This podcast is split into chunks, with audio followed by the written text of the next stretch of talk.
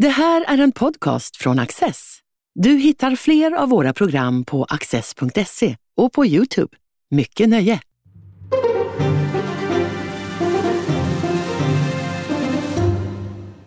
Hjärtligt välkomna till Studio Access och varmt välkommen till Allan Widman som är riksdagsledamot för Liberalerna och försvarspolitisk talesman. Mycket trevligt att ha dig här. Det är roligt att vara här. Tack. Hur går det med den svenska upprustningen? Ja, eh, den befinner sig kan man nog säga i sin linda fortfarande. Försvarsbeslutet 2015 innebar åtminstone intellektuellt sett en, en vändpunkt. Men eh, den ekonomi som krävdes för att verkligen komma igång med någonting som liknar upprustning den följde inte med riksdagsbeslutet då 2015. Eh, sen har det ju skett ett antal ekonomiska tillskott under den här beslutsperioden. Och det har väl hjälpt upp det hela något. Men man måste komma ihåg att eh, 2015 års försvarsbeslut följer på decennier av nedrustning. Och att vända eh, den här skutan handlar inte bara om pengar. Det handlar om personal och kompetens, förmågor som har gått förlorade som måste återtas. Handlar det också om en sorts eh, mental upprustning? Alltså en insikt om eh, ändrade förhållanden i verkligheten? Ja, jag tror att eh, det har varit ett av eh, bekymren att, att också ändra mindsetet hos de som eh, ingår i, i det svenska försvaret. Och det är mindsetet ända från försvarspolitiken ner till den enskilde hemvärnssoldaten skulle jag säga. Det tar tid att ändra mm, både kultur och inriktning efter en så lång nedrustningsperiod som Sverige ändå genomlidit. Hur skulle du beskriva det eh, säkerhetsläget i vårt närområde och hur det har förändrats på senare tid?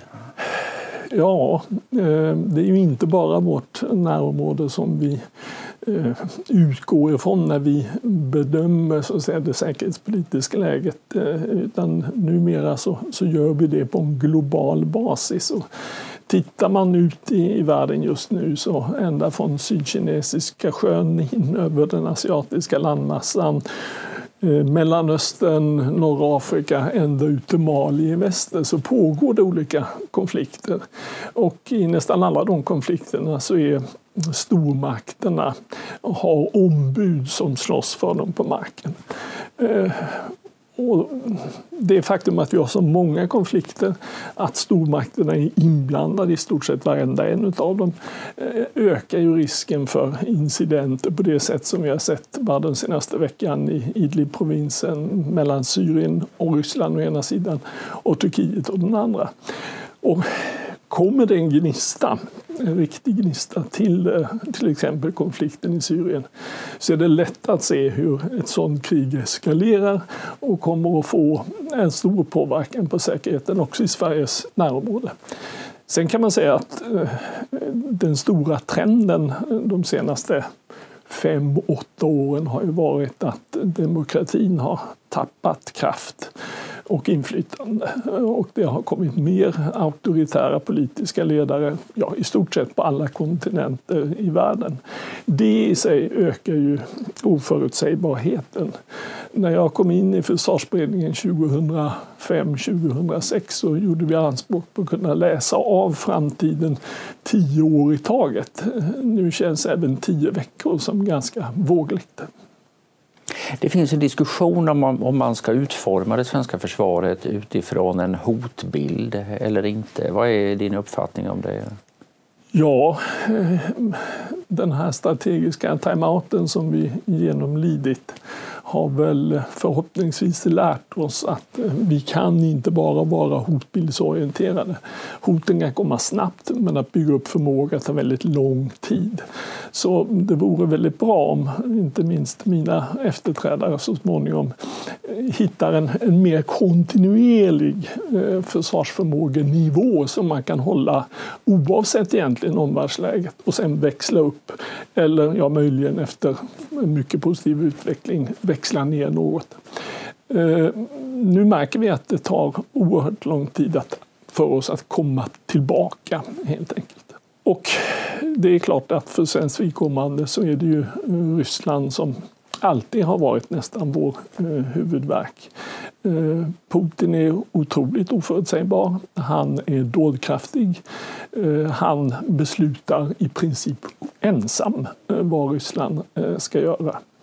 Och när man då bygger upp ett försvar som vi nu är i färd med på nytt så måste man fundera på vad är det som är krigsavhållande?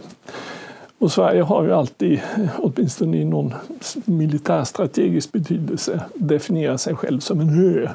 Det vill säga vi utgår från att motståndaren kommer på Östersjön eller i luftrummet eh, ovanför när han är på väg till oss. Och det är klart att när han befinner sig där, motståndaren, då är han också väldigt gripbar, enkel att bekämpa. När han stiger i land, då kommer det att bli eh, väsentligt svårare. Samtidigt har vi sett nu bara de senaste decennierna hur stormakterna, såväl Ryssland som USA, Eh, ofta avstår från att gå in på marken. Ryssland är med stridsflyg i Syrien, eh, hela kampen mot IS, ja det var med amerikanska flygstridskrafter. Men man vill inte gå in på marken. Det innebär stora risker och helt andra tidsförhållanden. Och därför är det min eh, tro att vad Sverige nu behöver det är en lite större armé. Eh, jag tror att Ryssland kommer ihåg både sina erfarenheter från Afghanistan och, och från eh, Baltikum efter kriget. De vet att eh, om det finns arméstridskrafter på plats så är det en mycket, mycket svår eh, uppgift för dem. Intressant. Vi ska komma tillbaka till detta. Men vi ska försöka sätta... Det pågår en ganska intensiv försvarsdiskussion just nu. Eh, och den eh, tar sin utgångspunkt egentligen kan man säga i det arbete som har gjorts av försvarsberedningen som har kommit med två stora och mycket uppmärksammade rapporter, en 2017 och en 2019. Du har varit med i försvarsberedningen. Kan du sätta scenen lite för oss? Alltså berätta, vad är, vad är det för ett material ni har tagit fram och vad, vad är de viktiga slutsatserna i det? Ja, den första rapporten den kom ju 2017 strax eh, före jul och den är en rapport som då behandlar både civilt försvar och vad vi brukar kalla för totalförsvar, det vill säga eh, det civila och militära försvaret tillsammans. Eh, det militära försvaret under 90-talet och 00-talet rustades ju ner till bara några procentenheter som blev kvar. När det gäller civilförsvar så utmönstrades det fullständigt. Så där börjar vi inte från en låg nivå, där börjar vi från noll i princip. Och det är väldigt mycket då som har hänt i samhället sedan vi senast hade ett fullt utbyggt civilförsvar på det tidiga 90-talet.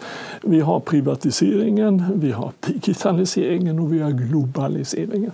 Och det gör, skulle jag säga, att det nu kommer att bli väsentligt svårare att skapa en redundans och en motståndskraft i samhället. Det kommer kräva... Redundans är ett favoritord hos försvarsdebattörer. Berätta, vad menar du med det? Uthållighet. Ja. Just det. Överkapacitet kan man säga. Ja, och ja. idag har vi ingen överkapacitet i vårt mycket bantade samhälle i många avseenden. Det vi ska äta till middag du och jag ikväll, det befann sig i Rotterdam i, igår. Och de lag som finns, de är på rull och i ständig rörelse. Och sen kan man då bara konstatera att när det gäller den kritiska infrastrukturen eh, i Sverige så om vi jämför med kalla kriget så är, är den i princip inte idag statligt ägd i, i något större utsträckning. Det skapar också särskilda utmaningar att kunna förmå enskilda vinstdrivande företag att medverka i något som inte omedelbart renderar ny vinst. Hur långt har man hunnit med att implementera eh, förslagen från den här första rapporten om totalförsvar och civilförsvar? Inte så långt. Eh, vi är på gång när det gäller en myndighet för psykologiskt eh, försvar. Eh, den är ju under utredning och målsättningen är väl att under den här mandatperioden så ska den då sjösättas på nytt. Sen har vi haft utredningar när det gäller samverkan med det privata näringslivet, nya regler för att kunna skydda totalförsvarsanläggningar i många av de här styckena så är vi fortfarande på ett utredande stadium.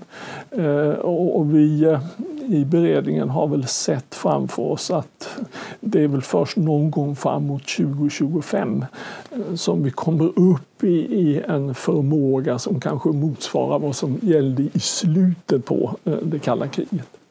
Det tar tid. Det var så att säga den första av de två mm. rapporterna.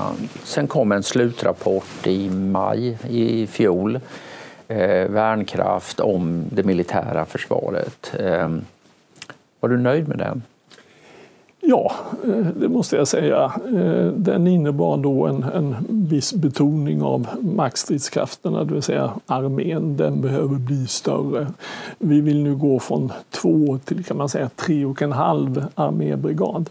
Eh, Sverige är det fjärde största landet till ytan i Europa. Att, att ha en armé som består av dryga 10 000 om vi inte räknar hemvärnet, det är inte hållbart. Utan ska vi verka krigsavhållande så är det den organisationen organisationen som vi nu måste bygga ut. Samtidigt finns det ju då naturligtvis krafter, eh, inte minst inom försvarsindustrin, som gärna drar åt lite andra håll.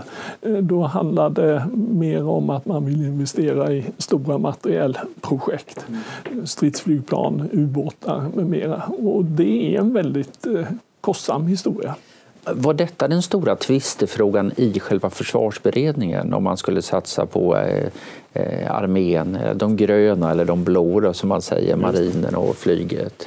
Nej, det var det inte. Det fanns en ganska stor samsyn kring den profil som eh, Värnkraft hade med satsningar på armén. Därför att armén har så att säga varit satt lite på undantag under ganska lång tid. Vi är ett eh, unikt land i många avseenden. Ett avseende så är det också militärt. Vi har till exempel fler stridsflygplan i det här landet än vad vi har haubitsar, det vill säga kanoner. Och det har inget annat jämförbart land. Det här är inte en argumentation för att minska flygvapnet, mm. men det är absolut en argumentation för att eh, utöka vår armé. Försvarsberedningen var då enig i sin analys. Alla partierna som ingick var i, ja, i allt väsentligt eh, med på slutsatserna. Och sen stöp den på mållinjen eh, därför att man inte kunde enas om finansieringen. Sen kunde man plötsligt enas om finansieringen igen, eh, i alla fall nästan. Kan du berätta lite om detta? Ja, vi såg ju eh, framför oss under hela våren 2019 att det här med ekonomi som i den första rapporten inte var några särskilda problem. Där hade vi en tabell där man visade hur anslagen till civilförsvaret ökar upp till 4,2 miljarder 2025. Det skrev alla partier under på utan någon vidare diskussion. Och, och, vi försökte då förmå eh, Socialdemokraterna i beredningen att diskutera ekonomi också i, när det gäller det militära. Eh, det visade sig svårt eh, och jag led väl lite, måste jag säga, med Björn von Sydow som, som inte lyckades så att säga, förankra bakåt. Som var ordförande i, som var ordförande i tidigare försvarsminister bland tidigare annat. Försvarsminister. Ja. Mm. Och eh, till slut så blev det ju då uppenbart att eh, regeringen var inte beredd att ställa sig bakom mm, någon som helst ekonomisk uppgörelse. Inte bara det som beredningen så att säga, hade föreslagit utan ingenting. Eh, och Sen blev det väl då uppenbart under sommaren 2019 för regeringen att man hade en majoritet av riksdagen emot sig i den här frågan och att eh, de borgerliga partierna och Sverigedemokraterna ställde sig bakom försvarsberedningens ekonomiska beräkningar. Och då har ju regeringen inget annat val än att falla till föga. Och eh, det gjorde man. Eh, och i allt väsentligt så är det då den ekonomi som försvarsberedningen föreslår som blir den ekonomiska uppgörelsen om försvaret i augusti förra året det skiljer på marginalen eh, och det handlar då om hur man ska mm, värdesäkra de här uppräkningarna. Eh, det handlar under de kommande fem åren om eh, mindre än en handfull miljarder i skillnad mellan hur beredningen räknade och hur den ekonomiska uppgörelsen ser ut. Försvarsekonomi är en mycket speciell vetenskap har jag lärt mig. Eh, och, eh, ja, det är något för den som tycker att sanskrit och kvantfysik är för lätt och eh, banalt, så ger man sig på försvarsekonomi. Man kan tycka att det här skulle vara lätt, man adderar och drar ifrån, men, men märkligt nog så kommer alla till olika slutsatser. Men okej, okay, ni, ni kommer överens i stort sett om samma, eh, eh, samma sak som hela beredningen då hade förutsatt eh, där tidigare. Ehm, Sen kommer plötsligt Försvarsmakten och säger att det här räcker inte på långa vägar. Du vet, ni skalar upp här eh, med 5 miljarder om året. Vi, får, vi ska akta oss för att göra för mycket exercis här, men eh, vid slutet av nästa eh, försvarsbeslut i mitten av det här decenniet så ska försvaret ha en budget som är 25 miljarder kronor högre än, i, än idag kan man väl säga. Från 59 till 84 miljarder. Ja. Men så säger eh, Försvarsmakten plötsligt att ja, de där 84 miljarderna får ni bara hälften eh, för av vad ni tror. Eller av tillskottet får ni hälften av vad ni mm. tror. Kan du förklara detta? Egentligen kan jag faktiskt inte göra det. Jag kan förklara i en del. När tillskotten eh, börjar komma och då är det budgetbeslutet i december 2018. Det är då riksdagen bestämmer sig för att nu ska vi lägga på tre och nästa år fem och året därefter 10 miljarder i, i tillslag här på, på budgeten. Eh, då befinner vi oss i en situation där Sverige har en övergångsregering eh, som inte så att säga bör eller kan så att säga, aktivt styra på samma sätt som en vanlig regering gör.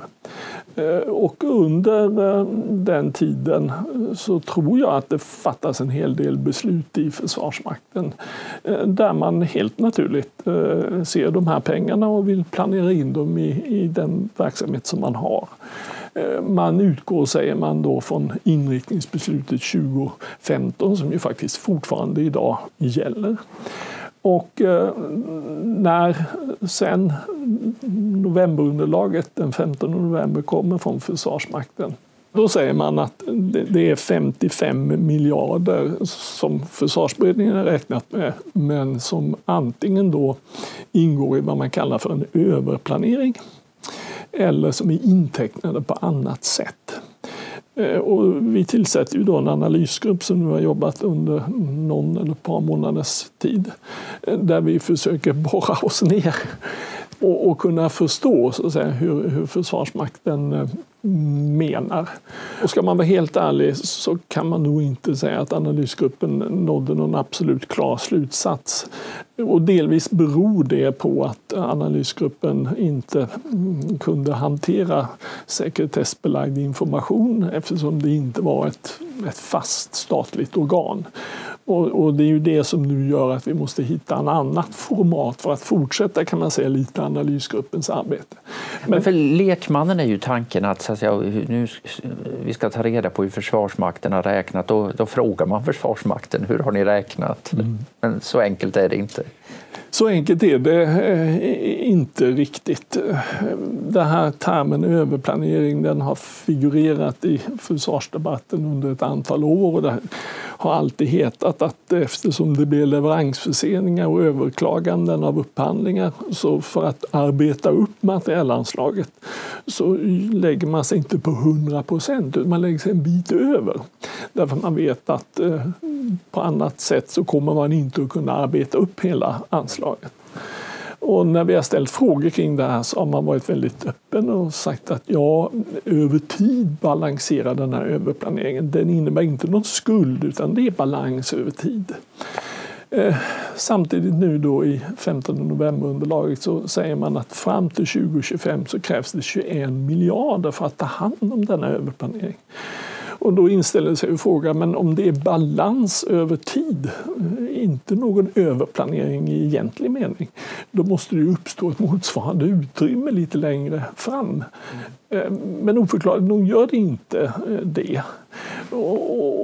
Och det, det är väl där som vi, vi känner så att, säga, att, att någonstans tror man kan säga att analysgruppen kom fram till att we agree to disagree på något sätt. Eh, ytterst så är det naturligtvis så att när politiken sätter ner foten, om vi nu får en försvarsuppgörelse här i vår eller sommar, då måste naturligtvis också myndigheten rätta in sig efter detta och, och planera efter det och inte efter något annat. Jag vet du, inte om jag lyckades... Ja, det är, det är inte helt lätt genomskinligt det här, men eh, du har skrivit någonstans att det här försvarsbeslutet som nu gäller 2015 är det mest underfinansierade någonsin sannolikt. Man, man har Riksdagen anger att det här beslutet ska minsann producera A, B, C och D. Eh, men sen anslår man inte på långt när pengar så det räcker till detta.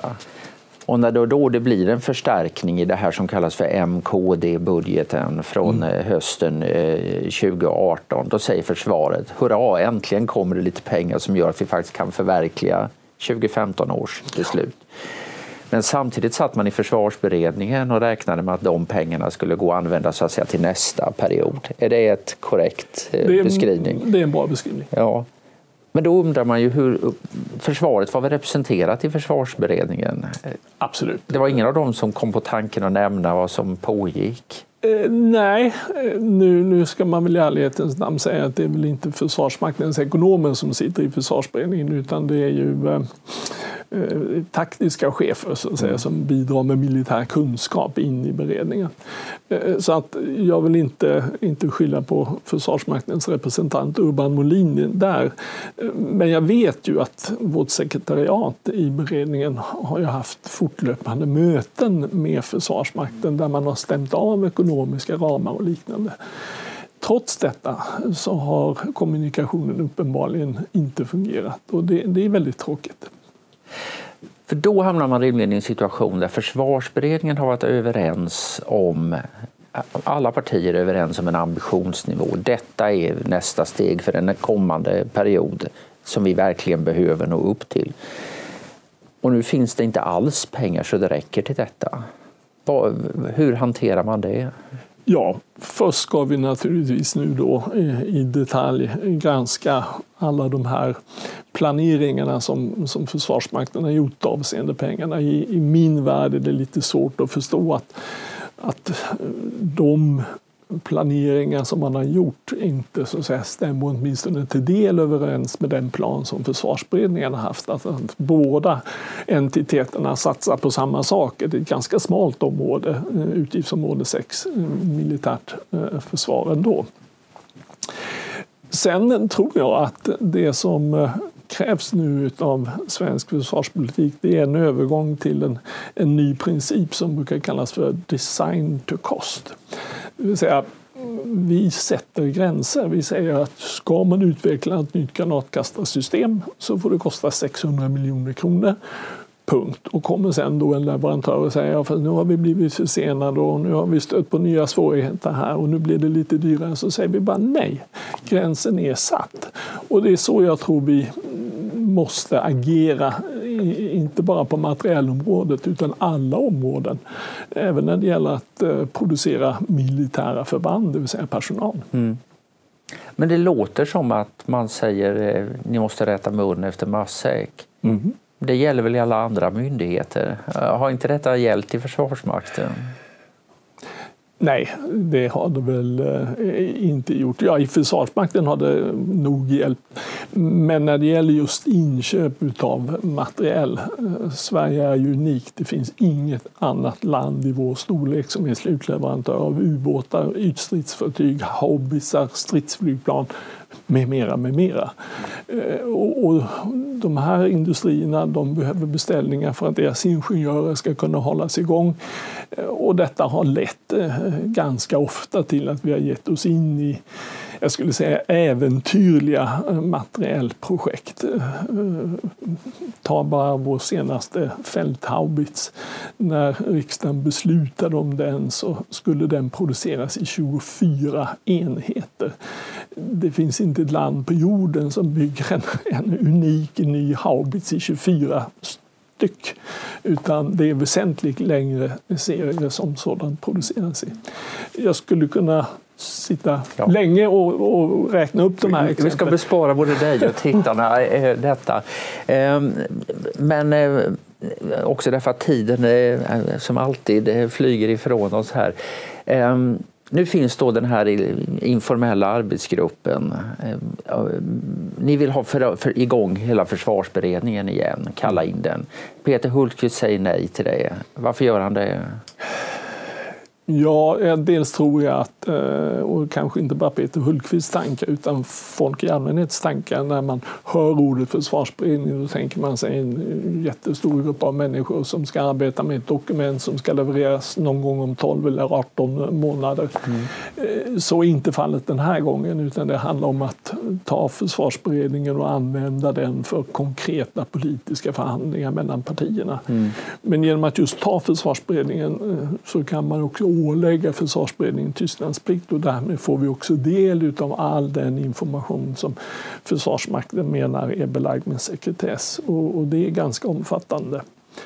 Men man kommer väl inte från det faktum att, att även om det kan finnas lite överlappning i Försvarsmaktens planer och i Försvarsberedningens eh, tänk så tyder allt på att om man ska uppnå den nivå på det svenska försvaret som Försvarsberedningen ville ha så kommer det behöva tillskjutas ytterligare pengar utöver det här som man eh, förutskickade i, i er överenskommelse.